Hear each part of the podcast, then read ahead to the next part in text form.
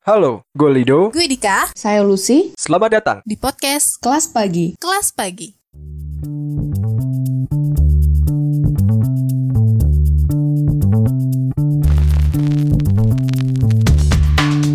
eh, benar juga gitu kalau misalkan eh, nggak ada obatnya kita akan terus terusan kayak gini gitu dari pemberian vaksin sampai menghasilkan antibodi itu mekanismenya panjang saya mungkin ingin berpesan bahwa eh, dalam menerima informasi itu harus lebih eh, selektif lagi harus lebih teliti jangan latah untuk menyampaikan sesuatu yang tidak tahu kebenarannya bagaimana. Halo, akhirnya podcast kelas pagi masuk ke season 2. Em, kita kan di, di episode awal ya, yang disclaimer intro kemarin, em, menjanjikan kita bakalan mengundang salah satu tamu. Kita punya satu gestar yang kita ajak ngobrol tentang salah satu topik yang menarik, eh, salah satu topik yang lagi in dibicarakan. Jadi kita mengundang salah satu orang yang menurut kita adalah eh, orang yang berkecimpung di bidangnya. Jadi kita bisa tahu nih informasi yang sebenar-benarnya itu seperti apa gitu. Eh, kita ngomongin vaksin virus corona yang saat ini lagi anget-angetnya nih di perbincangan di sosmed. Iya. Silahkan masuk bintang tamu kita. Udah kayak pintu ya Bu kita persilakan masuk. Aduh. Halo semuanya, halo, halo. Semoga semuanya, semuanya nggak semoga tahu seru-seru aja ya ini kita ngobrol ya. iya benar. ngobrolnya Walaupun topiknya sedikit agak serius, cuman kita bawaannya seru-seruan aja lah karena kita juga nggak ngerti-ngerti banget nih tentang virus sama vaksin gitu kan. Jadi selama ini kita cuma nurutin aja anjuran dari pemerintah gitu kan. Iya. Nah, berhubung karena ada Mas Gazi di sini, bolehlah kita gali-gali sedikit informasi tentang vaksin dari virus COVID-19 gitu. Nah, tapi sebelum kita masuk ke pembicaraannya ya, mungkin eh, dari Mas Gazinya bisa perkenalan dulu eh, lagi sibuk apa, profesinya apa gitu sebelum kita masuk ke pembahasan kita di kelas hari ini. Betul. Silahkan Mas Gazi. Oke, eh, ya kenalin eh, saya Noval Gazi. Sekarang tinggal di Bandung nih, dan profesi sebagai junior researcher. Tapi sebenarnya kurang pede juga sih kalau dibilang junior researcher gitu, karena jam terbang saya sebenarnya belum lama-lama banget gitu. Terus apa Mungkin dong? di sini Mungkin di sini researcher. sebagai pembelajar gitu ya, Oh. yang haus akan eh, ilmu tentang eh, imunologi karena di sini memang saya tertarik untuk belajar terkait eh, imunologi dan vaksinologi Hmm. kayak gitu sih. Mantep banget. Oke, jadi kita mengundang orang yang tepat ya. Ngomong-ngomong soal vaksin nih Mas Gazi, kan kalau pemberitaan di Indonesia bahkan di seluruh dunia kan banyak banget ya tentang virus corona ini dan bahkan di Indonesia ini udah nyampe hampir uh, lebih dari 110 ribu kasus positif corona yang Mm-mm. terkonfirmasi gitu ya. Mm-mm. Dan sampai sekarang pun kita masih uh, mengharap-harapkan gitu ya, walaupun uh, harapan itu juga kita masih belum menemukan titik terangnya sampai sekarang, obatnya itu apa dan gimana kita bisa terbebas dari belenggu virus corona supaya kita bisa kembali ke kehidupan yang sebelumnya. Cuman banyak banget pemberitaan yang uh, menjelaskan kalau misalnya virus ini tuh masih belum ada obatnya dan kita nggak akan bisa kembali ke kehidupan yang normal kecuali kalau ada vaksin. Gimana tuh Mm-mm. menurut Mas Gaji? Setuju nggak? Kalau menurut saya sih memang eh, ini sebuah tantangan baru ya bagi kita eh, ketidaknormalan dalam eh, menjalani hidup gitu ya. kita harus benar-benar memulai hal-hal baru, memulai kebiasaan baru, dan eh, mungkin bisa dibilang eh, benar juga gitu. Kalau misalkan nggak ada obatnya, kita akan terus-terusan kayak gini gitu. Nah, tapi eh, jangan terlalu pesimis juga, karena ya sebenarnya kita itu sejak awal ya, sejak lahir itu sudah punya yang namanya sistem imunitas gitu. Kita sudah sudah dikaruniai eh, sistem imunitas yang uh, tugasnya itu memang melindungi kita dari bahaya-bahaya penyakit, dari serangan patogen kayak gitu.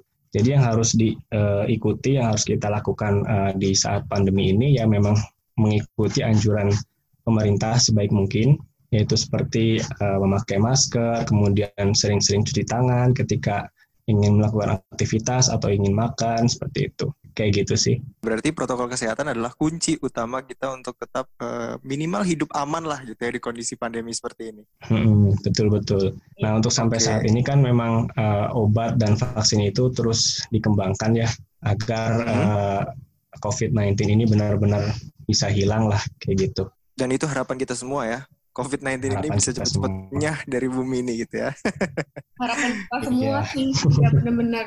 Oh, benar. Dan Mas Gazi nih, kalau misalnya saya pribadi dan mungkin Bulusi dan Dika juga dan mungkin sebagian orang yang dengerin podcast ini uh, udah familiar dengan kata-kata vaksin atau sering dengar vaksin gitu kan. Uh, salah satu apa namanya bisa dibilang obat untuk virus gitu ya. Cuman kita masih belum tahu nih secara eksplisit sebenarnya definisi dari vaksin itu apa sih? Nah, sebelum saya jelasin vaksin itu apa, kira-kira udah pada tahu belum ya apa itu tadi sistem imun gitu? Maksudnya secara kasarnya lah, secara umum Aduh, itu udah tahu apa nih. belum ya? Waduh, ini kayaknya kuis nih. uh, uh, saya lempar ke Lido aja deh. Ya, ya saya jelaskan secara umum dulu ya apa itu sistem imun biar uh. nantinya ke depannya apa yang saya uh, bicarakan tuh bisa lebih nyambung gitu ya mungkin. Oke. Okay. Nah, uh, jadi tadi yang saya awal bilang tadi bahwa tubuh kita ini sebenarnya sudah dikaruniai sistem imunitas yaitu sistem pertahanan tubuh di mana di dalamnya itu terdapat uh, kumpulan sel-sel yang bekerja di dalam tubuh untuk melindungi tubuh kita dari uh, paparan materi di luar tubuh yang membahayakan seperti patogen yang menyebabkan penyakit kayak gitu. Jadi uh, sistem imun ini ada banyak gitu jenis-jenis selnya yang bekerja sama untuk melindungi kita dari uh, terserangnya patogen seperti itu. Patogen itu apa nah, sih? ini Nah, kalau patogen itu sendiri itu adalah agen ya atau materi yang menyebabkan penyakit. Hmm. Itu patogen. Oh. Mm -mm. Termasuk si COVID. Jadi umumnya sebenarnya yang dilakukan oleh sistem imun itu tidak hanya materi yang menyebabkan penyakit. Mm -hmm. Kayak semisal kita kemasukan debu aja misalkan, itu sistem imun kita sudah bekerja gitu. Dari awal uh, pertahanan pertama kita bersin, nah itu salah satu mekanisme pertahanan tubuh untuk mengeluarkan debu tadi. Oh. Nah, ketika ketika lolos nih uh, uh, materi asing itu tetap masuk ke dalam tubuh, maka akan dilakukan mekanisme lanjutannya sampai akhirnya mekanisme akhir itu terbentuknya antibodi atau mekanisme lainnya yang dapat menghilangkan materi asing tersebut kayak gitu. Jadi sebenarnya dalam tubuh kita ini kita punya perlindungan sendiri ya Mas ya yang bawaan kita dari lahir sebetulnya untuk menangkal berbagai macam patogen yang mau masuk ke tubuh kita yang bisa menyebabkan penyakit gitu ya. Iya, betul banget. Oke, dan COVID-19 ini atau virus ini juga salah satu hal yang bisa sebenarnya dihalau oleh antibodi kalau memang antibodi kita cukup kuat gitu ya. Nah itu benar banget. Jadi ya kan kita tahu sendiri ya kalau uh, penderita dari COVID-19 ini gejalanya bermacam-macam, mulai dari yang -huh. ringan sampai ada yang berat gitu, bahkan meninggal dunia gitu kan. Benar. Nah itu bergantung dari uh, kekuatan imunitas kita gitu, di mana imunitas kita ini juga ditentukan oleh uh, penyakit bawaan kita, ditentukan oleh umur kita, karena semakin tua itu uh, sistem imunitas kita akan semakin melemah kayak gitu. Oke. Okay. Oh iya makanya kenapa uh, kebanyakan kayak orang tua gitu nggak sih korban-korban dari COVID ini? Iya mbak. Dari vaksinnya itu sendiri itu sebenarnya apa mas? Nah kalau vaksin ini uh, adalah suatu sediaan biologis atau larutan lah ya larutan yang dapat mengaktifasi imunitas tubuh kita sehingga ketika tubuh kita ini terpapar oleh patogen yang sesungguhnya tubuh kita akan lebih siap gitu untuk melawannya. Jadi lebih kuat sehingga tubuh kita tidak mengalami sakit gitu. Kayak vitamin gitu atau gimana? Uh, bukan, Mbak. Jadi sebenarnya sifatnya vaksin ini sama seperti kita memasukkan uh, patogennya gitu. Namun dilemahkan.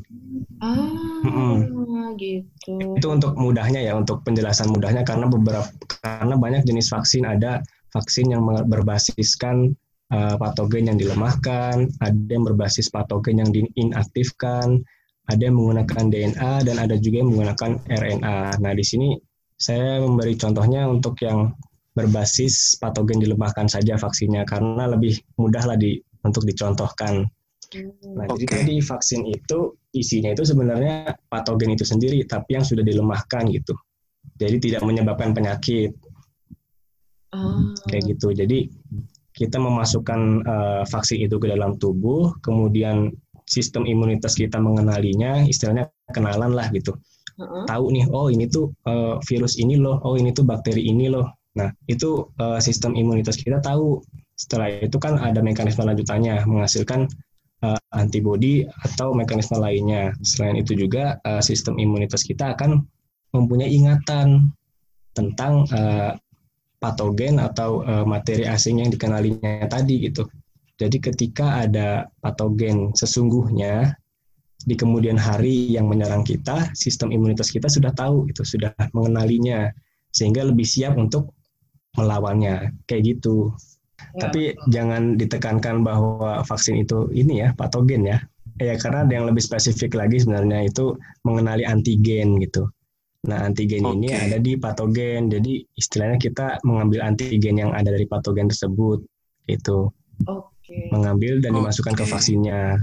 Jelas banget nih kalau kalau orang dari ilmunya yang Tadi kan udah dijelasin nih Mas, dan saya itu kan sering dengar juga nih eh, istilah ada yang namanya antivirus. Nah itu sebenarnya sama nggak sih Mas vaksin dengan antivirus itu? Nah, itu beda. Vaksin dengan antivirus beda. Kalau vaksin itu tadi kita memasukkan materi untuk menginduksi sehingga sistem imun itu aktif. Nah, kalau antivirus ini bisa dikatakan sebagai obat lah, obat untuk eh, menanggulangi ya, menanggulangi dari eh, infeksi virus di tubuh kita. Jadi obat yang fungsinya itu menurunkan aktivitas virus di dalam tubuh ketika virus itu sudah masuk ke tubuh kita gitu. Oke, berarti dia eh, bisa mengobati nggak sih Mas kalau yang antivirus? Kalau mengobati sih sebenarnya enggak ya, tapi untuk mencegah kondisinya itu semakin parah. Oke. Karena di sini menurunkan aktivitasnya gitu, untuk tidak bereplikasi lebih banyak, untuk tidak makin menempel ke reseptor seperti itu.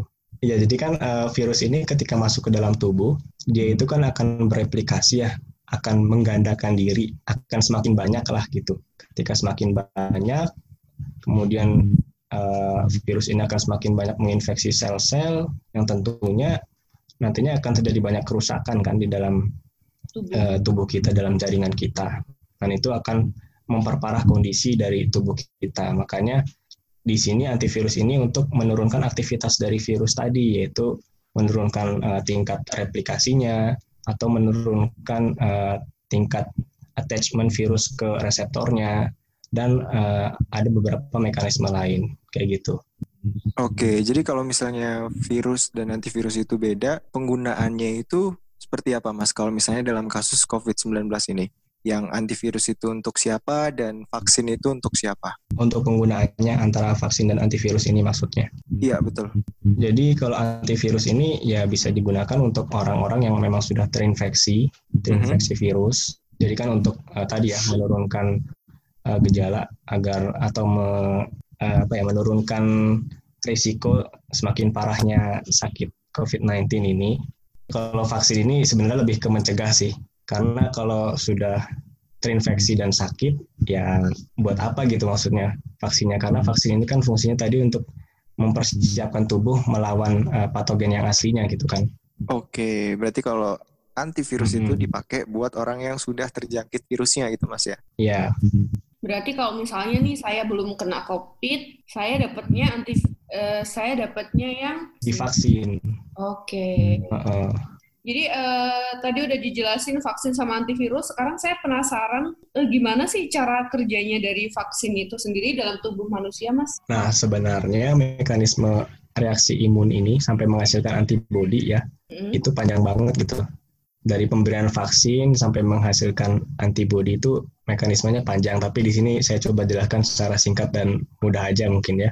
Nah, jadi eh, yang pertama itu misalkan ada materi asing, benda asing atau dispesifikkan lagi patogen ya yang masuk ke dalam tubuh kita itu akan dikenali oleh sel imun. Itu juga berlaku untuk yang vaksin. Vaksin ini kan kita memasukkan benda asing juga ya, materi asing. Nah, itu akan dihadang dan dikenali oleh sel imun kita. Setelah itu, sel imun ini akan melakukan beberapa mekanisme sehingga akhirnya terbentuk uh, antibodi spesifik yang dihasilkan. Kenapa spesifik? Karena memang sifatnya ini uh, spesifik berdasarkan bentuk materi yang dikenalnya tadi. Oke, materi jadi kalau, atau benda kalau, asing yang dikenalnya pada saat awal tadi. Oke, jadi kalau COVID ya COVID gitu maksudnya? Mm -hmm. oh, ya kalau misal kita kenal uh, virus uh, uh, apa corona, ya hmm. ya antibodi yang dihasilkan ini spesifik untuk uh, menghalau atau menghadang virus corona. Hmm. Kayak gitu. Nah, nanti kerja antibodi ini akan melemahkan atau uh, membunuh patogen itu secara langsung. Kemudian uh, sel imunitas kita setelah tadi menghasilkan antibodi, dia juga memiliki ingatan gitu, memiliki memori untuk mengenali serangan-serangan uh, berikutnya atau materi asing yang sama jika masuk ke dalam tubuh kita di kemudian hari itu. Jadi akan lebih sudah sudah kenal lah gitu, sudah kenal maka ketika uh, ada materi asing yang sama nih masuk di kemudian hari, uh, sistem kerja dari imunitas kita ini akan lebih cepat. Jadi memproduksi antibodinya akan lebih cepat dan tentu akan lebih uh, kuat imunitas kita dalam uh, menghadang serangan uh, materi asing tadi atau patogen. Proses kenalannya itu lama nggak sih mas? Maksudnya kan tadi mesti kenalan dulu nih. Berapa lama sih? Kalau untuk sampai terbentuk antibodi, uh, setahu saya sekitar satu minggu oh. sampai terbentuk antibodi gitu. Okay. Mm -mm. Berarti nggak lama banget ya, nggak selama perkiraan saya kirain bakalan yang kayak ya. bulan-bulan gitu ya? enggak enggak sih enggak enggak sampai bulan-bulanan nah uh, kalau tadi kan udah udah dijelasin sama Mas Gaji tentang uh, definisi dari vaksin terus bedanya sama antivirus sama tadi juga dijelasin tentang cara kerja vaksin dalam tubuh manusia nah sebenarnya uh, proses pembuatan dari vaksin itu berapa lama Mas ya? Oleh proses pembuatannya kalau kita berbicara di kondisi yang normal ya, bukan kondisi pandemi kayak gini, itu bisa sampai puluhan tahun, belasan tahun. Belasan tahun? Iya lama. Karena memang uh, penelitian dan pengujiannya itu memang selama itu gitu ya, harus benar-benar uh, baguslah hasil dari tiap ujinya. Kalau kondisinya yang nggak normal gini, lagi benar-benar uh, mendesak ya, sangat dibutuhkan, hmm? itu ada beberapa uh, kebijakannya memang kebijakan internasional gitu. Uh, dari lembaga lembaga-lembaga regulasi itu uh, bisa menggabungkan beberapa tahapan dari pengujian kayak gitu. Kan kalau secara umum kan tahapannya ini kan ada tahapan eksplorasi ya di mana para peneliti ini akan mencari gitu mencari dan menemukan prototipe dari vaksin sehingga didapatkan kandidat vaksin itu kemudian apakah vaksin ini tadi terbuat dari uh, patogen yang dilemahkan, apakah dari patogen yang diinaktifkan, apa DNA atau RNA kayak gitu. Nah setelah ditemukan kandidat vaksinnya, itu lanjut ke fase preklinis. Apa itu? Nah fase preklinis ini kandidat vaksin yang telah kita dapat itu diujikan ke hewan, bisa mencit atau kera. Kayak gitu. Di sini tujuannya untuk mengetahui respon dari uh, kandidat vaksin yang kita punya gitu. Respon imunitas pada hewan dari vaksin yang kita berikan. Jadi kayak efek sampingnya gitu ya Mas ya? Bukan ke efek sampingnya sih Bu. Jadi kayak kan tadi kan vaksin itu fungsinya untuk menghasilkan antibodi ya, menginduksi sel imun untuk menghasilkan antibodi. Nah, di preklinis ini, tahapan preklinis, kita mengujikan vaksin ini pada hewan.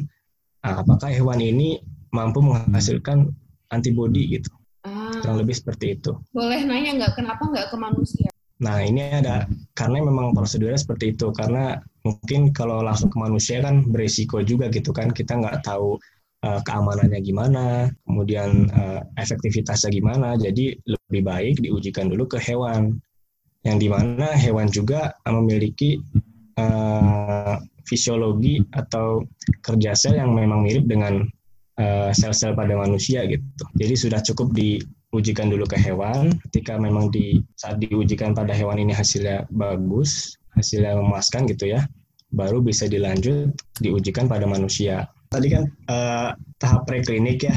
Kalau misalkan udah diterima gitu ya, sudah di-approve oleh lembaga regulasi yang berwenang, itu bisa lanjut uh, ke fase berikutnya yaitu clinical trials atau uh, apa namanya uji klinis.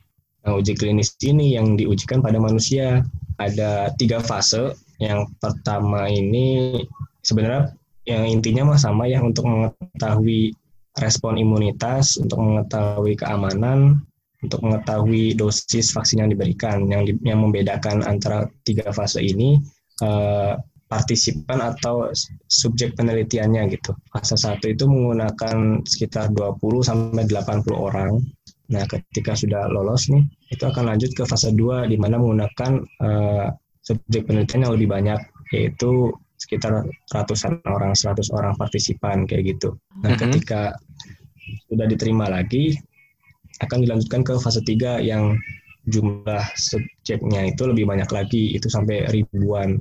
Karena memang di sini akan dilihat uh, pengaruhnya vaksin ini di banyak orang kayak gitu. Apakah kan uh, orang itu kan beda-beda ya um, apanya ya fisiologisnya gitu ya. Uh, respon imunitasnya itu kan akan beda-beda. Dilakukan tiga fase ini ya untuk melihat apakah semakin uh, banyaknya subjek penelitian tadi ya itu uh, bagus gitu sesuai harapan hasilnya. Jadi tidak terlalu berubah-ubah dampak atau efek dari vaksin ini kayak gitu jadi makanya di fase 3 ini dilakukan di berbagai negara biasanya nggak cuma di satu negara setelah lolos dari fase 3 itu baru akan diberi lisensi atau diterima oleh uh, lembaga yang berwenang bahwa vaksin ini layak untuk diproduksi, layak untuk didistribusikan dan dikonsumsi oleh uh, masyarakat. Oke, Mas Gazi tadi udah ngejelasin nih ada sebenarnya untuk kita bisa menggunakan vaksin dari suatu virus itu apalagi virus COVID-19 yang sekarang lagi merebak ini butuh proses yang panjang nih Mas ya. Kalau misalnya yeah. dari tahap uji klinisnya aja kan tadi ada tiga tahap yang dilihat dari jumlah orangnya juga, terus juga ada beberapa hmm. hal yang mem, apa namanya mempengaruhi juga nih vaksin ini sebenarnya layak atau enggak untuk bisa digunakan secara massal gitu ya. Iya. Yeah. Nah kalau dari penjelasannya tadi udah banyak banget uh, apa namanya yang cukup bisa kita pahami itu mas. Cuman ada satu nih yang bikin saya penasaran. Kan kalau vaksin itu kan kurang lebih uh, yang saya tahu biasanya dimasukkan ke tubuh kita melalui kayak suntikan atau apa pun itulah. Cuman kalau yang satu biasanya kalau vaksin itu biasanya masuk ke tubuh gitu ya. Kalau dari vaksin yang nantinya atau kemungkinan digunakan untuk menanggulangi COVID-19 ini, ada kemungkinan nggak mas? Dia itu seperti ada efek sampingnya? Oh iya, iya. Ada kemungkinan nggak menimbulkan efek samping gitu ya? Iya, betul. Nah, itu itu sebelum vaksin itu bisa dikonsumsi oleh kita ya itu kan hmm. tadi harus ada melewati beberapa pengujian nah di pengujian itu juga dilihat gitu uh, efek samping dari vaksin ini gimana sih apakah terlalu berat ketika memang terlalu berat itu akan di, uh, dikembangkan lagi vaksinnya agar tidak menimbulkan efek samping yang berat jadi uh, ketika sudah didistribusikan ketika sudah dikonsumsi itu sebisa mungkin uh, tidak menimbulkan efek samping yang berat kayak gitu. -hmm. Kalau secara umum ya semua vaksin gitu ya. Tapi di sini sifatnya nggak objektif sih maksudnya berbeda-beda untuk setiap orang gitu. Mm -hmm. Karena tadi respon imunitas itu beda-beda untuk setiap orang. Jadi vaksin apa pun bisa saja menimbulkan efek samping gitu. Kayak misalkan demam, kemudian bengkak di area yang bekas disuntiknya atau mual, pusing kayak gitu. Nah, itu kalau misalkan uh, memang gejalanya dirasa berat itu kan harus memang dikonsultasikan ke dokter kayak gitu. Oke, jadi kemungkinan kalau misalnya pun vaksin ini beredar misalnya gitu Mas ya.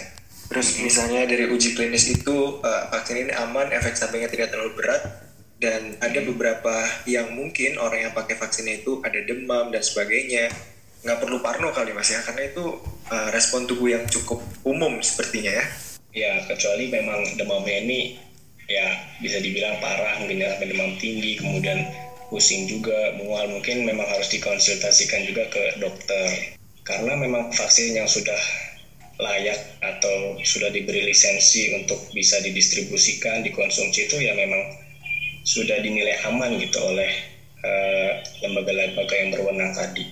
Mm-hmm, karena prosesnya panjang, saya rasa uh, hayolah kita semuanya jangan sampai uh, maksa-maksa buruan vaksinnya ada, buruan vaksinnya ada gitu kan. Karena orang-orang yang bekerja di bidangnya yang berusaha juga nih supaya vaksin itu segera ada, kita bisa kembali kehidupan yang normal.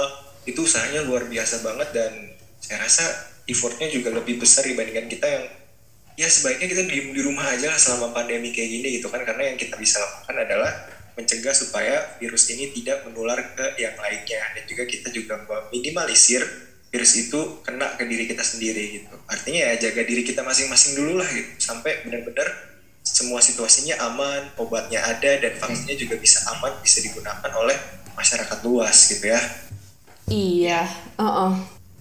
nah kalau misalkan uh, di Indonesia sendiri nih uh, perkembangan untuk vaksinnya sendiri untuk COVID-19 ini udah sejauh mana ya Mas ya? Kalau di Indonesia sendiri, setahu saya ya, itu belum ada uh, lembaga atau institusi yang uh, menemukan platform secara sendiri gitu, menemukan kandidat vaksinnya itu secara sendiri dari Indonesia.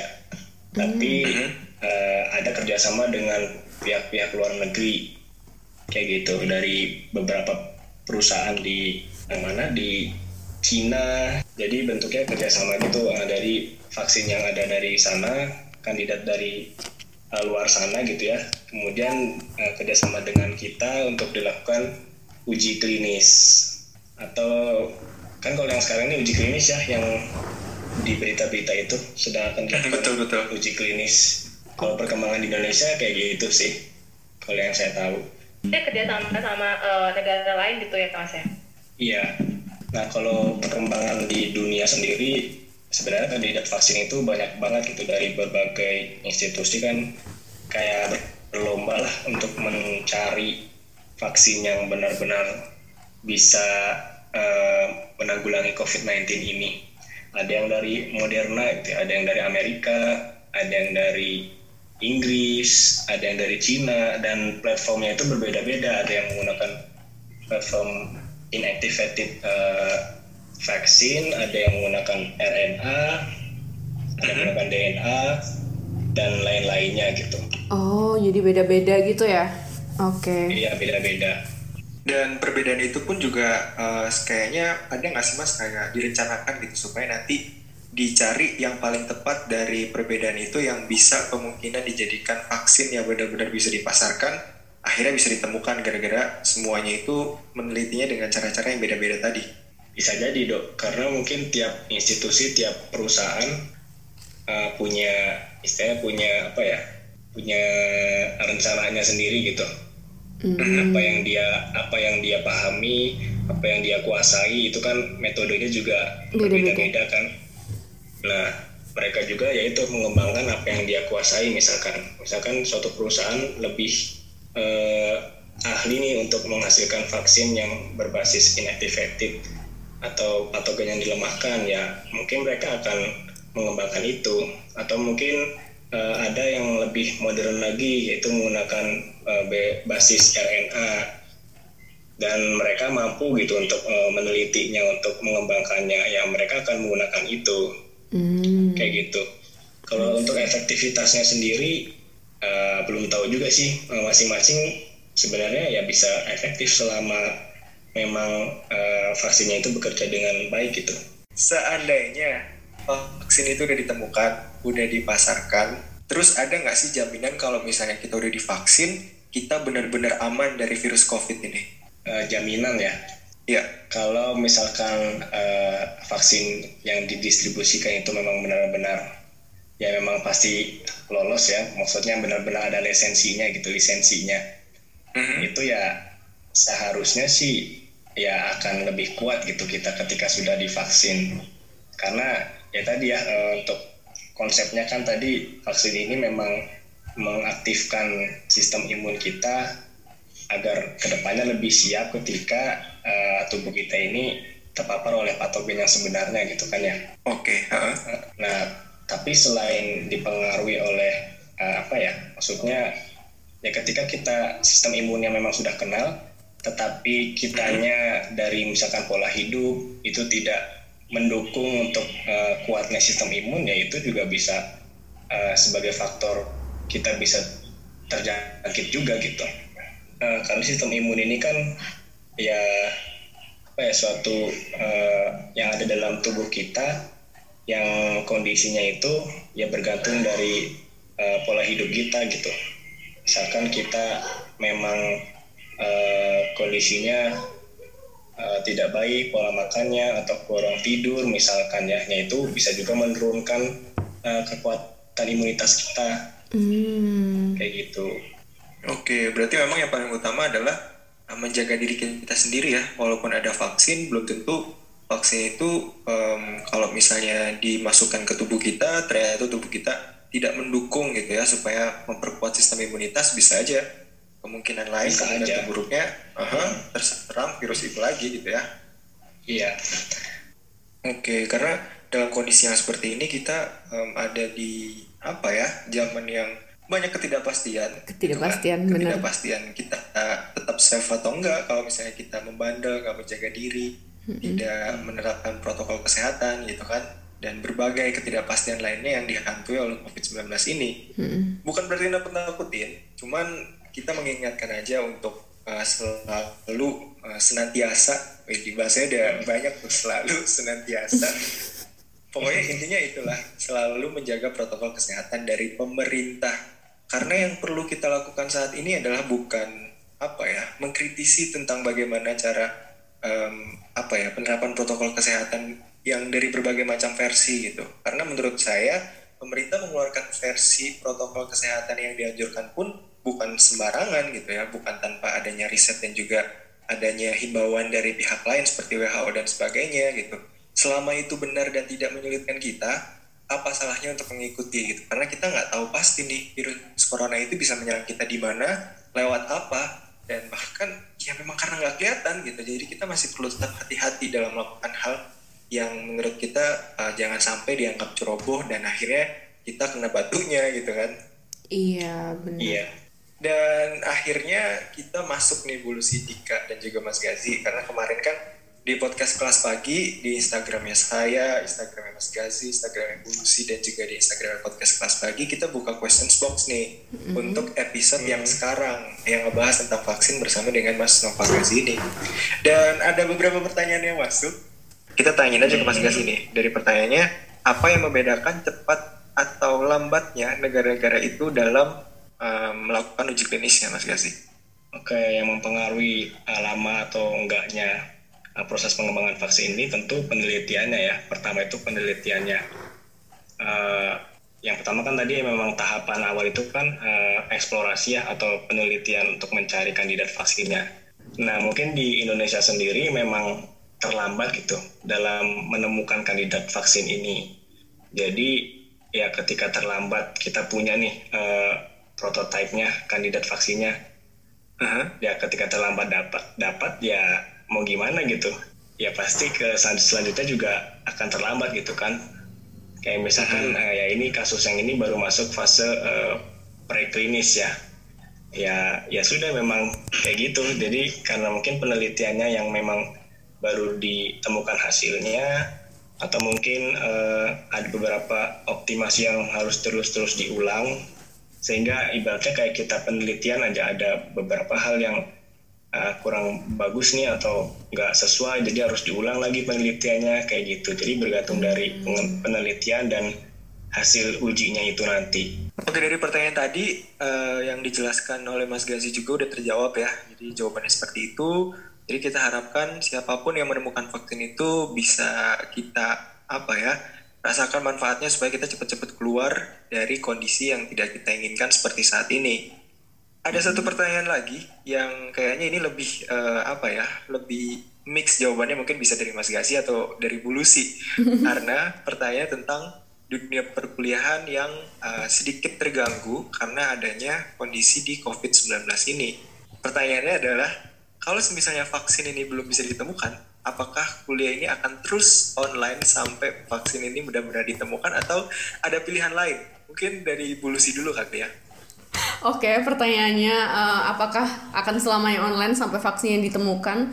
Um, kemungkinan masuk kuliah uh, sebelum vaksin ditemukan saya pikir ada. karena uh, kalau misalnya nunggu benar-benar vaksin ditemukan tadi kan kalau katanya dari Mas Gazi bisa sampai beberapa tahun kan ya. Cuman uh, kalau misalnya kita bisa menerapkan protokol dari pemerintah itu dengan baik, kemungkinan ada kemungkinan untuk masuk kuliah. Tapi tapi masalahnya adalah kenapa sih uh, kuliah atau kampus itu jadwal masuknya bisa berbeda dengan SMA atau SMP atau SD itu karena kalau misalnya ini deh uh, untuk mahasiswa yang KKN misalnya kelihatan nggak sih berapa ada tersebar ke mana aja mahasiswa itu di mahasiswa di kampus kita uh, di seluruh Indonesia. Itu kan kesebarnya hampir di seluruh Indonesia kan. Bayangin kalau mahasiswa dari berbagai penjuru daerah di Indonesia tiba-tiba dimasukkan uh, kampus dimasuk uh, kampus masuk mereka pada balik ke daerah di kampusnya itu kan takutnya mereka bisa membawa virus yang datang dari daerahnya masing-masing. Maka dari itu kalau kampus kemungkinan tetap ada kemungkinan masuk ada sebelum uh, sebelum vaksin ditemukan. Menurut saya sih ada ya karena kan bisa lama sekali kalau misalnya kita nunggu vaksin ditemukan. Cuman uh, kapannya saya nggak tahu dan yang penting dan yang jelas itu uh, kenapa dari kampus itu masuknya bisa lebih lama daripada sekolah karena memang uh, mahasiswa itu asalnya dari seluruh penjuru Indonesia. Jadi itu sih yang bikin belum bisa apa ya belum bisa dipastikan kapan kayak gitu. Jadi apakah online terus? Ya ada kemungkinan online terus tapi sebelum vaksin ditemukan apakah mungkin masuk? Menurut saya mungkin mungkin aja gitu. Oke jadi nanti tergantung situasi dan kondisinya ya. Mm-mm. dan kita pun harus menerima gitu. Karena memang itu yang mungkin dianggap aman untuk kita semua gitu ya. Iya. nah kalau dari Mas Gazi nih menyikapi pertanyaan itu saran atau uh, pandangan dari Mas Gazi tentang uh, mahasiswa yang pengen cepet-cepet masuk kuliah sedangkan kondisinya itu masih seperti ini gitu dan Mas Gazi di uh, bidang pekerjaannya pun masih terus berupaya untuk menciptakan uh, obat atau yang bisa dibilang uh, vaksin ya untuk menanggulangi situasi pandemi COVID-19 ini. Gimana menurut Mas Gazi? Kalau menurut saya sih mungkin bisa ya untuk uh, mahasiswa itu masuk kuliah gak online lagi kita offline ya secara langsung tapi mungkin memang perlu disesuaikan atau perlu dikuatkan lagi protokol kesehatannya. Jadi kita uh, misalkan di setiap kampus itu memang benar-benar siap itu benar-benar siap kalau memang akan dilaksanakan uh, pembelajaran yang secara langsung lagi gitu. Dengan menyiapkan protokol yang benar-benar uh, sesuai dengan kampus itu sendiri dan uh, mungkin harus ditegaskan juga penerapan protokolnya itu gitu diusahakan memang harus tetap terkendali gitu jangan sampai uh, istilahnya kita lengah kita uh, membolehkan mahasiswa itu masuk ke kampus tapi uh, protokol kesehatannya aturan-aturannya itu tidak disiapkan secara matang jadi yang ada kan malah membahayakan kita semua gitu kan ya. Jadi ada nggak sih pesan-pesan dari Bulu Sidika dan Mas Gazi untuk semua orang yang mendengarkan supaya kita lebih peduli dan juga lebih mengerti kalau misalnya kondisi saat ini memang berbeda dari biasanya. Jadi kalau saya sendiri karena uh, apa ya profesi saya sebagai dosen dan hmm. apa ya lebih lebih kepengen menasihati sih kepada mahasiswa kalau nanti sudah masuk kita kuliah tolong tolong tolong kalian kalau kerja kelompok kalau kerja kelompok jangan berkumpul ya karena saya udah pernah ditegur nih sama atasan saya Bulu sih kelasnya tolong di diberhentikan itu ada yang kerja kelompok bareng-bareng. Nanti kita dihubungi rektor sampai kayak gitu. Jadi uh, tolong nanti kalau udah masuk semuanya udah new norm uh, udah udah jalan kan new normal kayak gini, kemudian masuk kuliah mm -hmm. satu semester masih online tolong kalau uji kalau kerja kelompok jangan bareng-bareng. Karena kita udah belajar pakai video conference dan lain sebagainya kalian belajarlah pakai itu kerja kelompok memaksimalkan teknologi. Kalau misalnya kalian tetap berkumpul nggak ada bedanya kita masuk kuliah offline atau online. Jadi tolong cycle distancing social distancing dan lain sebagainya itu diterapkan. Itu sih kalau dari saya Oke, okay. kalau dari Bulsi itu mungkin dari Dika ada nggak sih pesan-pesan buat teman-teman semuanya yang sesama mahasiswa atau teman-teman di sekitar yang masih kurang peduli supaya segera ayo kita bareng-bareng untuk menerapkan protokol kesehatan gitu. Kalau dari gue, kan uh, tadi Bulsi dari dosen, kalau gue sebagai mahasiswa, karena kita juga eh, nggak bisa ngapa-ngapain ya selain jaga diri kita sendiri ya Mhm. paling enggak menerapkan protokol kesehatan aja pakai masker kalau bisa eh, di rumah aja tetap ya. Hashtag di rumah aja. Mm-mm. Aha. Eh, apa ya? Itu sih tetap pokoknya jaga kebersihan. Soalnya kita juga eh, nggak mungkin nggak bisa buat lebih kan. Nggak mungkin kita nggak mungkin juga kita bantuin Mas Gazi buat vaksin kan. Bikin nggak vaksin oke. Dengan penjelasannya udah pusing ya. hmm. Benar walaupun harus keluar ya tetap masker terus balik ke rumah langsung mandi ganti baju. Ya bersih bersih sebisa mungkin kita jaga diri sendiri juga eh, kalau misalkan dari luar ataupun pulang nanti juga nggak bawa virus kan buat keluarga kan juga kasihan gitu kalau gue sih gitu sih oke Oh, lo nggak nyaranin tuh buat semuanya pakai face shield karena kan lo ada project pembuatan face shield UMKM tuh. itu boleh lebih aman lagi double double apa ya Double Protection. protective, protective. Double protect. boleh Oke. kalau mau kontak gue di kalau dari Instagram Dika, Instagramnya udah ada di episode lalu ya, nggak usah kita promoin lagi ya. ya.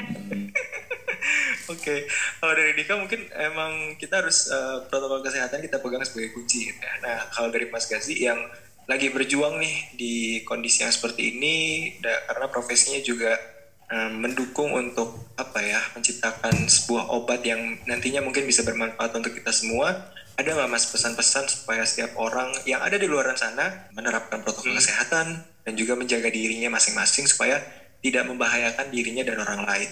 Iya, iya kalau dari saya eh, tadi sama sebenarnya kayak dengan eh, Mbak Lucy dan eh, Mbak Dika tadi untuk lebih eh, apa namanya membiasakan akan eh, protokol kesehatan ini harus benar-benar mengikuti protokol kesehatannya bagaimana dan lain-lainnya yaitu sebagai bentuk kita masyarakat dalam mendukung eh, penanggulangan atau eh, pemberantasan COVID-19 ini ya kayak gitu. Nah, selain itu mungkin saya juga mau berpesannya untuk kita-kita semua gitu menjalani kebiasaan baru ini kan salah satu kebiasaan barunya kita jadi sering aktif secara online ya. Kita bermain sosial media seperti itu kita tentu akan lebih sering uh, mendapatkan informasi-informasi dari uh, sosial media kayak gitu kan ya. Uh, saya mungkin ingin berpesan bahwa uh, dalam menerima informasi itu harus lebih uh, selektif lagi, harus lebih teliti, jangan latah untuk menyampaikan sesuatu yang tidak tahu kebenarannya bagaimana kayak gitu. Jadi harus benar-benar uh, selektif lah dan bijak menggunakan sosial media sehingga uh, tidak tercipta situasi atau kondisi yang uh, gimana ya membuat panik orang misalkan atau tidak kondusif seperti itu. Kayak gitu dulu Lido. Jadi eh, Mas Gazi ini berpesan nih buat para netizen-netizen termasuk kita semua bijak dalam menggunakan sosial media. Karena kondisinya memang seperti ini banyak sekali berita-berita hoax mungkin ya yang masih belum terkonfirmasi kebenarannya tentang COVID-19 ini yang justru nanti membahayakan nih buat kita bukan cuman untuk em, kesehatan fisik kita aja tapi juga kemungkinan nanti akan menyerang kesehatan mental kita gitu ya jadi kita ucapkan banyak-banyak terima kasih kepada Mas Gazi yang udah share tentang informasi mengenai vaksin COVID-19 Makasih Mas Gazi. terima kasih ya buat Mas Gazi ya Mau bilang makasih juga nih Mm. eh, buat Nulido, Mbak Lucy, Dika yang udah eh, memberikan apa ya wadah buat saya berbagi informasi, berbagi ilmu. Semoga bisa bermanfaat buat kita semua, buat teman-teman semua. amin Amin, amin. terima kasih banyak bye bye